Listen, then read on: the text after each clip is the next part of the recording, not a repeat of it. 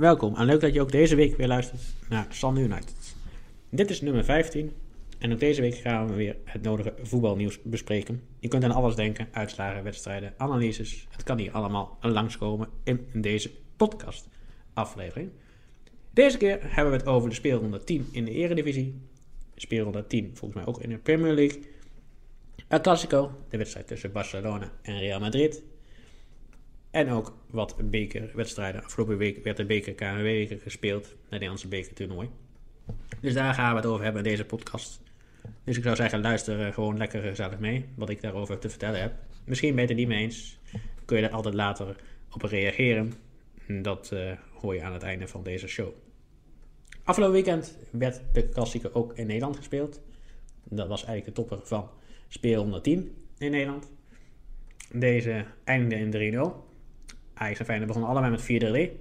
Ajax speelde met Onana, Mazzoli, De Licht, Blind, Nico Vico, Van der Beek, Schöne, Ziyech, Tadic, Dolberg en Frenkie de Jong. Die vergat ik nog. Feyenoord speelde eveneens in 4-3-3. Met uh, ja, vooral Jurgensen terug, dat is wel uh, een goeie. Maar goed, Feyenoord verloor uh, binnen 6 minuten al een speler. Of ja, verloor niet echt een speler. Een speler kreeg rood van Feyenoord. Sint-Justen. En ja, het is een beetje discutabel, maar goed. Ik heb het niet precies gezien. Dus ik weet ook niet uh, of Kuipers hem terecht heeft gegeven. Maar in de 22 minuten kan Ajax in ieder geval op een 1-0 een voorsprong. Door een eigen doelpunt van de keeper van Feyenoord. Bijlo. Voor rust werd het ook nog 2-0. Want Ajax had natuurlijk een man meer. Dus ja, is het makkelijk scoren. Dat was het doel van in Ziyech. En na rust werd het ook 3-0. Volgens mij door Dusan Tadic. En Ajax was ook veel beter, had veel meer schoten op goal. Dus ja, een terechte winst, maar dat is ook logisch. Want voor die rode kaart stond Feyenoord best wel goed. Maar daarna werd het dus, uh, dus minder. PSV wist gelukkig te uh, Dat was inderdaad de klassieke. Excuses. Dan gaan we het nu even hebben over de, alle andere wedstrijden. Helaas wist PSV ook zijn wedstrijd te winnen. Ze kwamen op achterstand tegen Groningen. 1-0 door een penalty van Milicevic. Daarna scoorden ze helaas voor rust nog de 1-1. En ja, PSV had veel meer kansen, maar Pat was heel goed aan het keepen. Maar uiteindelijk moest hij toch zijn meerdere erkennen in een heel goed spelende Denzel Dumfries. Die de 1-2 binnenknalde. De Graafschap wist te winnen met 4-1 van Excelsior. Vooral door een hele goede wissel van coach Henk de Jong om Virgil Nashing in te brengen in het elftal. Daarnaast hadden we twee keer een 1-1 stand. Zowel tussen Peck en Heracles als tussen NAC en ADO. Akiati maakte wel weer een doelpunt. Dus dat was, dat was nummer 8 voor hem alweer. En op de zondag hadden we ook nog Vitesse tegen Fortuna. Met 2 tegen 1. En NZ speelde tegen Heerenveen. En ze verloren helaas met 2 tegen 3. Twee doelpunten van Michel Flap en eentje van Sam Lammers. Dus ze zijn gewoon goed bezig daar uh, bij Heerenveen. Ze wonnen weer eens een keer, mooi. En Utrecht won met 10 man. Of in ieder geval na hard werken in de slotseconde tegen Willem 2. 0-1 door het doelpunt van Van Overheem. Uh, nee, oh nee, Willem Jansen trouwens was dat. En verder uh, zijn we nog een wedstrijd uh, vergeten. Oh ja, Emmen tegen VV werd 1-1. Dat was al op vrijdagavond, de wedstrijd op de vrijdag. Is de stand nu als volgt, na 10 speelronden. PSV staat nu steeds... Excuses, nog steeds eerste met 30 punten uit 10 wedstrijden. 36 doelpunten voor, 3 tegen, misschien iets anders. Dat weet ik even niet uit mijn hoofd. Gevolgd door Ajax met 5 punten achterstand. En dan Feyenoord en Heracles gedeeld derde met 10 punten. Gaan we ook even onderaan in de ranglijst kijken, in de stand. Daar staan op dit moment Emma op de 16e plek. NAC 17e, of uh, Groningen en NAC staan daar in ieder geval. Dus die uh, moeten uitkijken dat ze niet eruit gaan vallen. De meeste doelpunten zijn op dit moment gemaakt door een kwartet spelers. Vier spelers betekent dat dus. Alle vier hebben ze acht keer gescoord op dit moment. Dat zijn Jong Lozano van PSV, Pedersen van Heracles en El Kayati van ADO Den Haag. De meeste assists staan op dit moment op naam van Zeneli, speler van Heerenveen. heeft er 7, 7 assists geleverd. Kijk ook nog even naar het elftal van deze speelronde. Bestaat uit twee spelers van Ajax, Ziyech en Frenkie de Jong. Drie spelers van SC Heerenveen Torsby, Lammers en Flap. 1 speler van PSV, Denson Dumfries. 2 van VVV, Oenderstal en Reusler. Kaflan van FC Emmen, Overeem van FC Utrecht en Narsing van, uh, ja, van de Graafschap uiteraard, van de Graafschap. Zou hem beide heten, de Graafschap. Ja, die staan nu niet meer onderaan, gelukkig. Gunnen ze van harte. Mooie pool, mooi team wat ook echt uh, erin moet blijven. En uh, gaan we een treetje lager kijken in de keukenkampioenschap divisie. Daar ging het niet zo goed voor NEC. Die verloren thuis met 1 tegen 5 van Toppels. Daar was ik gewoon echt niet blij mee. Dat is gewoon echt opvallend. Opvallend nederlaag voor NEC en het gaat gewoon niet goed. Die, uh, ja, ze hadden misschien vorig jaar al moeten promoveren, maar toen lukte het net niet. En ze hebben dan uh, Cadiolu en Groeneveld verkocht. Waardoor ze gewoon twee goede spelers kwijt zijn. Dus ze zijn misschien ook wat minder in kwaliteit. Maar dat kan ik moeilijk beoordelen. Omdat ik ze niet echt actief volg op dit moment. Twente won, eh, van uh, Cambuur won met 1-0 in ieder geval. Go Ahead won ook. Waardoor Go Ahead, Sparta en Twente nu bovenaan staan. En volgens mij heeft Sparta de eerste periode gewonnen daar. Dus dat betekent in ieder geval dat ze mee mogen doen aan de play-offs voor promotie naar de Eredivisie aan het einde van het seizoen. En ik vind eigenlijk dat zo'n traditieclub als Sparta daar wel thuis hoort in de Eredivisie hoor. Dat, uh, dat moet ook wel uh, zo'n beetje, vind ik. Dus ja, uh, Freddy Drive heeft nog steeds overigens de meeste doelpunten. Nog steeds 11. Dat ik even meegeven. Gaan we richting mijn favoriete topcompetitie. Oftewel de Premier League in Engeland. De British Premier League, of Barclays Premier League heet die officieel. Manchester United speelde thuis tegen Everton. Begonnen met 4-3. 1-0 werd het door Pogba. 2-0 door Martial. En 2-1 werd het door een penalty van Sigtorsson. Of uh, ja, in ieder geval IJslander daar maar zeggen. Maar die namen er allemaal op zon. Dus uh, ik weet het niet uit mijn hoofd exact. Maar goed, dat maakt verder ook niet helemaal uit, denk ik. Ik vond het wel opvallend dat Mourinho Lukaku niet opstelde in deze wedstrijd. Dus dat vind ik wel opvallend. Want ik vind dat wel een ja, goede speler. Hij speelt nog steeds nog te defensief, maar goed. Dat is gewoon de speelstijl van Mourinho. Die speelt gewoon heel erg tactisch. Dus dat, uh, dat ook. Um, verder in de Premier League speelde Arsenal gelijk, 2-2. Liverpool werkte aan zijn doelsaldo door met 4-1 te winnen van Cardiff City. Southampton speelde gelijk tegen Newcastle United met 0 tegen 0. En Tottenham verloor van Manchester City. Uh, Chelsea won ook volgens mij. Waardoor City nog steeds bovenaan staan. Samen Liverpool, dan Chelsea. Arsenal en Spurs en United staat nu op een achtste plaats. En onderin weet ik niet precies hoe dat, hoe dat staat. Eden Hazard is nog steeds topscorer. Overigens daar. Dus dat is een beetje de Premier League op dit moment. Kijken we ook nog even naar El Clasico. Dat werd 5-1. Ja, Real is gewoon niet goed op dit moment. Ze verloren waarschijnlijk ook gewoon dik. En terecht ook dik.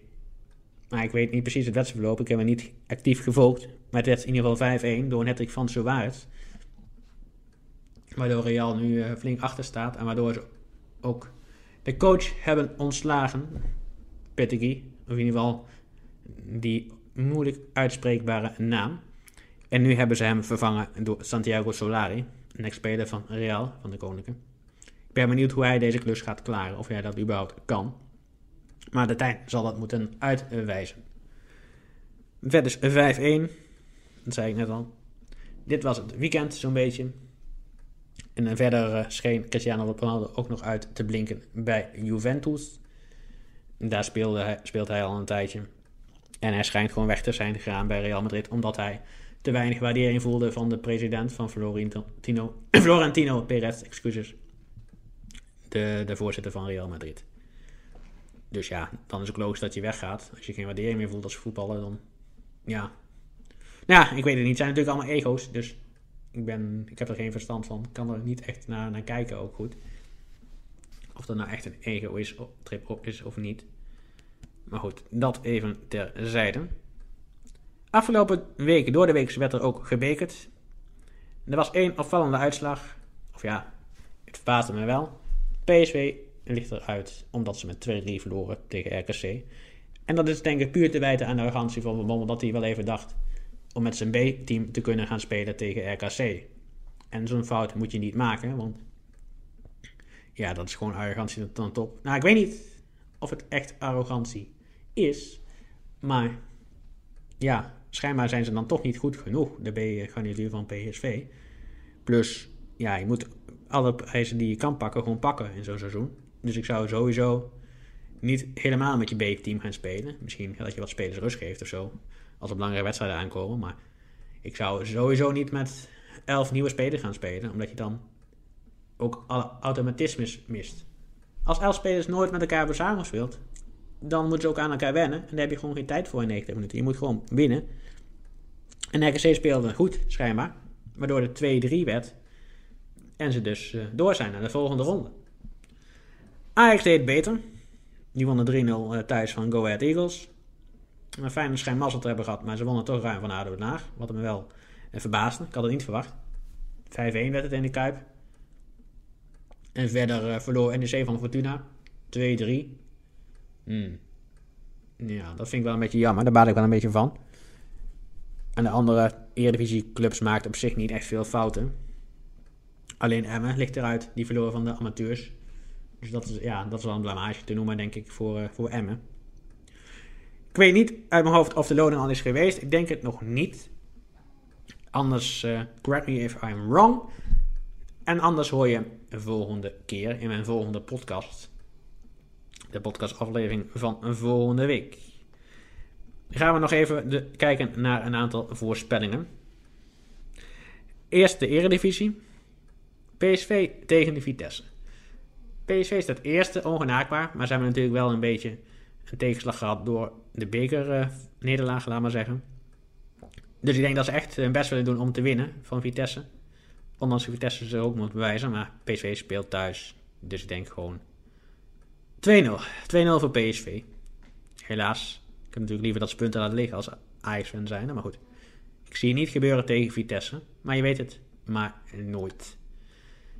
Ajax speelt vanavond tegen Willem 2. Daar ga ik ook naartoe.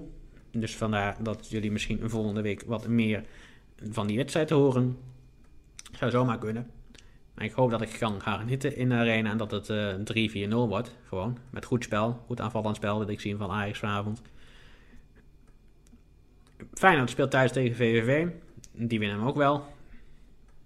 Al weet ik het niet zeker. Want Feyenoord is wel een beetje wisselvallig. En als Van Persie zijn vorm niet heeft, dan, dan moet ik het nog maar eens zien. Um, dan denk ik toch 1-1.